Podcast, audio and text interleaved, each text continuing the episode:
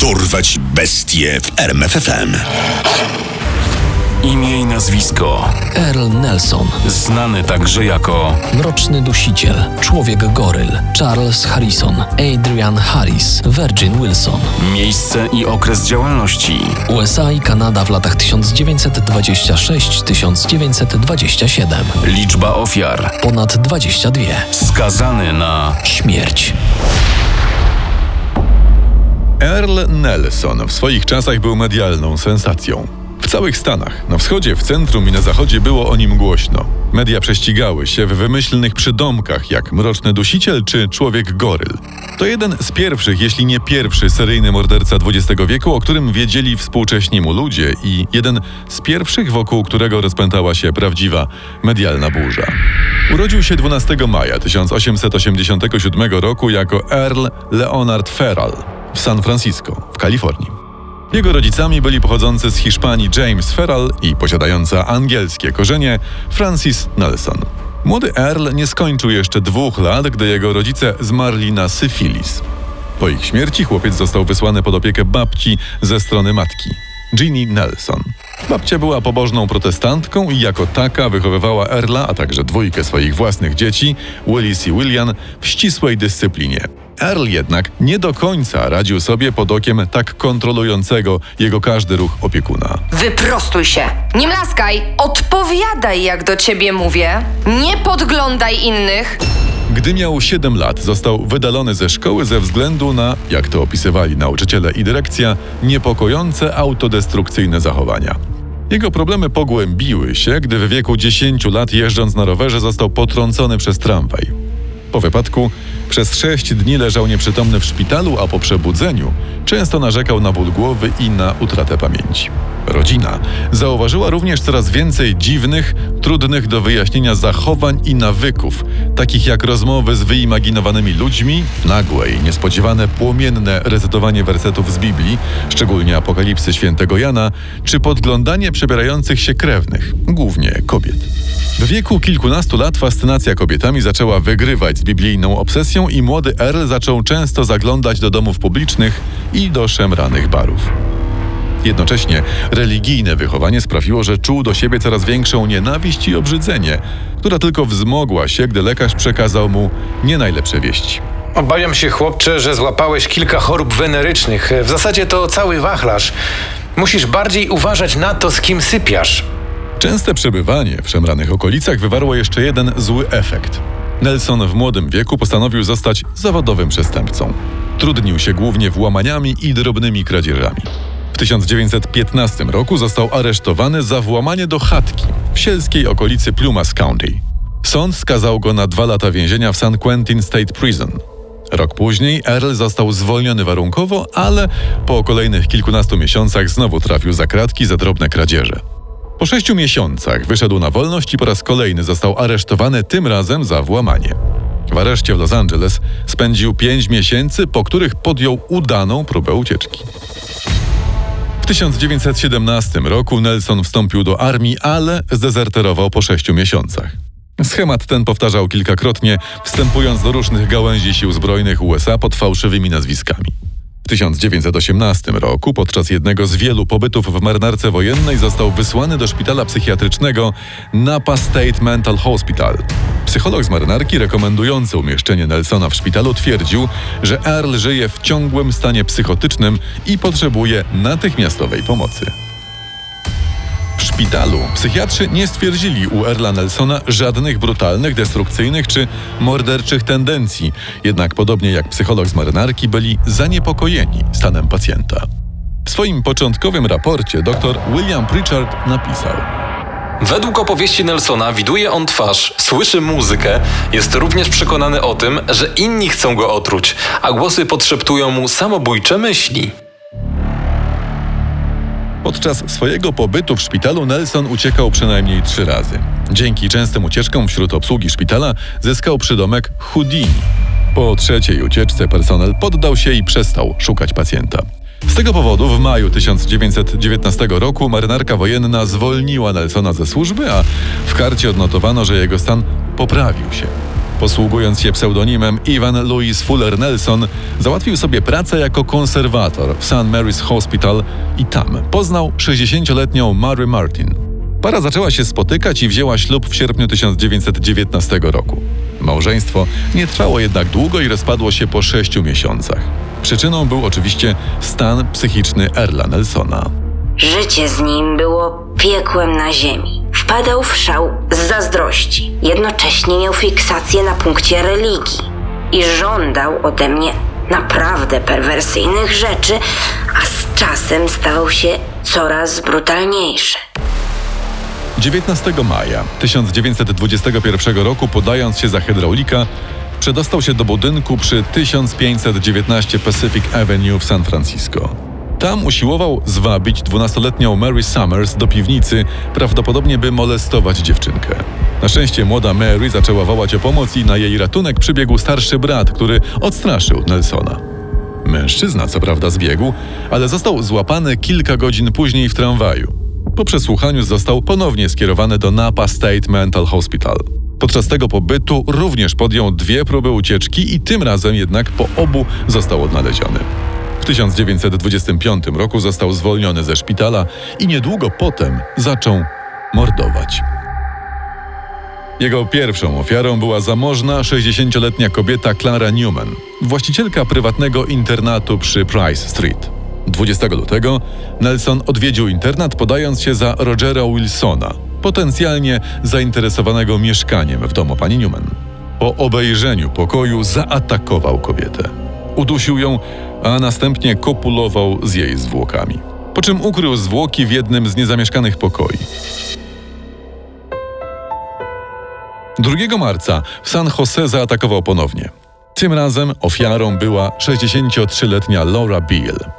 26 czerwca w podobny sposób zginęła 63-letnia Lillian St. Mary z San Francisco, a dwa tygodnie później 53-letnia Ollie Russell w oddalonej o 523 km na południe Santa Barbara. Podobieństwo w metodzie zabójstwa i dowody pośmiertnych gwałtów sprawiły, że policja zaczęła przypuszczać, że wszystkie zbrodnie są powiązane. Tymczasem 16 sierpnia w Oakland mąż 52-letniej Mary Nisbet odnalazł swoją żonę martwą w łazience opuszczonego mieszkania sąsiadującego z ich własnym. Początkowo to właśnie pan Nisbet był podejrzewany o wszystkie morderstwa, jednak teoria ta szybko upadła dzięki zeznaniom świadków. Przy budynku kręcił się jakiś obcy. Był uśmiechnięty, zagadywał Mary. No i miał trochę dziwną budowę ciała. Długie ramiona i wielkie dłonie. To właśnie te zeznania sprawiły, że prasa ochrzciła tajemniczego jeszcze wówczas mordercę człowiekiem gorylem i mrocznym dusicielem. Jesienią 1926 roku Nelson przeniósł się do Portland i tam kontynuował swoje mordercze wypady. 19 października z jego rąk zginęła 35-letnia Beta Withers, której ciało odnalazł na strychu kilkunastoletni syn. Dzień później z rąk Nelsona zginęła 59-letnia Virginia Grant, której ciało zostało ukryte za piecem pustego domu przy 22nd Street. 21 października zginęła Mabel Fluke. Kilka dni później jej ciało odnaleziono na strychu. Śledczy stwierdzili, że kobietę uduszono szalikiem. Policjanci nie dostrzegli jednak połączenia między ofiarami z Portland, ani tym bardziej z tymi z Kalifornii. Po serii morderstw w Portland Nelson wrócił na chwilę do Kalifornii, gdzie zabił kolejną kobietę, Annę Edmonds z San Francisco. Następnie w okolicach Berlin Game zaatakował 28-letnią kobietę w ciąży, podając się za potencjalnego nabywcę jej domu. Na szczęście kobieta przetrwała atak i zdołała uciec, po czym zgłosiła się na policję, gdzie opisała swego napastnika. Opis ten wyjątkowo dobrze pasował do wcześniejszych zeznań świadków na temat mrocznego dusiciela. Dziesięć dni później, znowu w Portland, Earl zgwałcił i zamordował Blanche Meyers. Policjantom udało się co prawda odzyskać częściowy odcisk palca sprawcy z łóżka Myers, ale odcisk ten nie pasował do nikogo z ich kartoteki. Tymczasem opinia publiczna zaczęła wrzeć od coraz częstszych brutalnych morderstw, a według artykułu lokalnej gazety The Oregonian na trzecim piętrze oregońskiego biura policji panowało prawdziwe pandemonium. Telefony urywały się, a ich liczbę mierzono w setkach, jeśli nie tysiącach dziennie. Wszystkie dotyczyły podejrzanych zdarzeń i osobników, jakich obserwowali mieszkańcy. Opisała ona dziwnego mężczyznę Adriana Harrisa, który zamieszkał w jej internacie, płacąc za wiele dni z góry, a następnie w pośpiechu opuścił go, obdarowując ją i parę innych mieszkanek biżuterią. Po zbadaniu tego telefonu okazało się, że mężczyzna wyjechał 29 listopada w dzień śmierci Blanche Meyers, a biżuteria należała do innej martwej kobiety, Florence Monks, zamordowanej w Seattle 23 listopada. Tymczasem Earl Nelson przeprowadził się na wschód, łapiąc stopa i podróżując na gapę pociągami. Oczywiście po drodze Nelson nie odmówił sobie kilku morderstw. 23 grudnia w Council Bluffs w stanie Iowa odnaleziono zwłoki Almiry Berard. Dwa dni po świętach zginęła 23-letnia Bonnie Pace z Kansas City. Jej uduszone i zgwałcone ciało odnalazł mąż. Dzień później w Kansas City Nelson zamordował 28-letnią Germania Harpin i jej 8-miesięcznego synka Roberta, który pozostaje jedynym dzieckiem i jedynym mężczyzną na liście ofiar mrocznego dusiciela. Morderca parł dalej na wschód. W Filadelfii zgwałcił i zabił 53-letnią Mary McConnell. Miesiąc później w Buffalo w stanie Nowy Jork zamordował Jenny Randolph, od której zaledwie kilka dni wcześniej wynajął pokój, posługując się nazwiskiem Charles Harrison. Brat pani Randolph poznał pana Harrisona. To był taki trzydziestoparoletni krępy mężczyzna. Włosy zaczesywał do tyłu i miał stosunkowo ciemną karnację. Trochę jakby Włoch. 1 czerwca w Detroit zginęły zarządczyni internatu Fannie Mae i jego mieszkanka Maureen Attorfey. Dwa dni później Nelson zamordował 27-letnią Cecilię Sitzma w Chicago. Wszystkie trzy kobiety zostały uduszone przewodami od urządzeń elektrycznych. Na przełomie maja i czerwca Nelson przekroczył granicę i udał się do Kanady. 8 czerwca w Winnipeg zginęła 14-letnia Lola Cohen. Dziewczynka dorabiała chodząc od drzwi do drzwi i sprzedając sztuczne kwiatki. Nigdy nie wróciła do swojego domu. Dwa dni później zaginęła kolejna kobieta Emily Patterson. Tego samego wieczora mąż odkrył jej zgwałcone i uduszone ciało pod łóżkiem ich syna. Co ciekawe, w domu Pattersonów znaleziono także nóż. Po kilku dniach analiz dziwnych przypaleń na ostrzu, śledczy doszli do wniosku, że Nelson używał tego noża, by obcinać kable od urządzeń elektrycznych, którymi później dusił ofiary. Dzień po śmierci Emily, lokalny jubiler Fred England nieświadomie odkupił od Nelsona obrączkę pani Patterson. W second handzie, tuż obok sklepu jubilera, znaleziono z kolei zaginione ubrania rodziny Pattersonów, a okoliczny barber przypomniał sobie klienta, u którego podczas strzyżenia dostrzegł plamy krwi na skórze głowy. Gdy zapytałem go o te plamy krwi i dziwne zadrapania, to się wkurzył. Wrzeszcząc kazał mi natychmiast przestać i wyszedł, nawet nie zdejmując peleryny fryzjerskiej. Podczas przeczesywania hoteli i internatów w Winnipeg kilku policjantów trafiło do internatu pani August Hill, w którym Nelson rezydował przez chwilę. Gdy weszli do jego pokoju, pod łóżkiem odkryli ciało zaginionej kilka dni wcześniej Loli Cohen. Jednakże w przeciwieństwie do wcześniejszych ofiar, ciało Loli było mocno pokiereszowane, by nie powiedzieć zmasakrowane. Jeden z policjantów porównał ten widok do modus operandi Kuby rozpruwacza. Po odkryciu ciała dziewczynki kanadyjska policja ogłosiła ogólnokrajową obławę i wyznaczyła nagrodę 1500 dolarów za informacje prowadzące do aresztowania sprawcy zbrodni. Na policję zgłosiło się wiele osób twierdzących, że rzekomo wiedzą, gdzie znajduje się Nelson. Nie mając jednak żadnych sprawdzonych informacji, kanadyjscy policjanci rozpoczęli szeroko zakrojone poszukiwania. Poinformowali nawet departamenty policji z USA z przygranicznych stanów o rysopisie sprawcy, obawiając się, że może uciec. 16 czerwca 1927 roku w przygranicznym Killarney aresztowali podejrzanego mężczyznę pasującego do rysopisu. Stać! Policja! Jak się pan nazywa? Proszę o dokumenty. Eee, Virgil Wilson, ale nie mam żadnych papierów. Przykro mi, ale w takim razie musimy pana zatrzymać. Wygląda pan dokładnie jak groźny zbieg. Mimo pasującego wyglądu, policjanci wątpili, że Virgil jest właściwą osobą, głównie dlatego, że grzecznie współpracował i bez żadnych protestów dał się zabrać do aresztu. Nelson zrobił tak, bo wiedział, że ucieczka z małomiasteczkowego aresztu nie będzie dla niego żadnym problemem. I faktycznie próba ucieczki udała się niemal idealnie. Ale kilka godzin później popełnił katastrofalny dla siebie błąd. Próbując uciec pociągiem, przypadkowo wsiadł do takiego, który transportował poszukujących go policjantów z Winnipeg. Gdy funkcjonariusze zorientowali się, kto wsiadł do pociągu, szybko aresztowali mężczyznę ponownie. Następnie przetransportowali go do komendy w Winnipeg, gdzie zebrał się czterotysięczny tłum oczekujący, by zobaczyć legendarnego, potwornego mordercę. Medialny szum wokół mordercy i publiczna fascynacja jego słowami trwały niemal do końca jego życia. Przed wejściem do komendy, zapytany o morderstwa przez jednego z dziennikarzy, odpowiedział: Zabijałem panie tylko, by uczcić Dzień Pański. Po zdjęciu odcisków palców okazało się, że pasują one do wielu odnalezionych na miejscach zbrodni, zarówno w Kanadzie, jak i w USA. Ściągnięto również wielu świadków, którzy widzieli tajemniczego, mrocznego dusiciela w ciągu ostatnich kilku lat. Wielu z nich pozytywnie zidentyfikowało Nelsona. Góra dowodów przeciwko Earlowi rosła, tymczasem on sam w wywiadzie dla Manitoba Free Press postanowił zmienić śpiewkę. Oskarża się mnie o dwa morderstwa, ale nie jestem tym, który je popełnił. Zapytacie pewnie, co ze świadkami. Odpowiem, mylą się.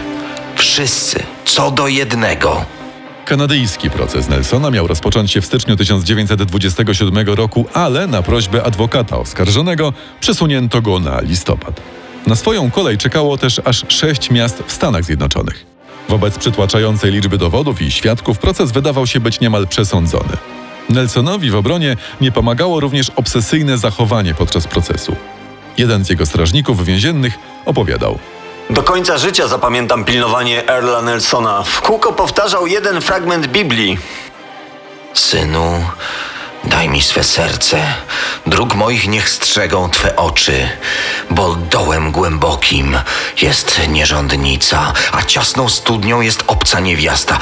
Czatuje, jakby rozbójnik, pomnaża niewiernych w narodzie. Po pięciu dniach procesu i 40 minutach debatowania nad wyrokiem przysięgli, skazali Erla Nelsona na śmierć. Jego adwokat James Seed próbował odwoływać się od wyroku. Wystosował nawet 30-stronnicowy dokument do ministra sprawiedliwości Ernesta Lapuanta, prosząc o łaskę dla przestępcy ze względu na długą historię chorób psychicznych. W dokumencie znalazło się około 20 oświadczeń złożonych przez ludzi znających Nelsona, mających udowodnić długotrwałe problemy psychiczne Erla. Sid twierdził również, że zbyt ostry jego zdaniem wymiar kary jest spowodowany medialnym szumem wokół osoby Nelsona, przez co przysięgli nie mogli być bezstronni. Mimo imponujących rozmiarów dokumentu i wielu psychiatrycznych autorytetów zaświadczających o niepoczytalności mordercy, apelacja została odrzucona. Earl Nelson został powieszony 13 stycznia 1927 roku o godzinie 7.30 w Vaughan Street Jail w Winnipeg. Jego ostatnie słowa brzmiały: Przebaczam wszystkim tym, którzy wyrządzili mi krzywdę. Poznaj sekrety największych zbrodniarzy świata. Dorwać bestie w RMFFM.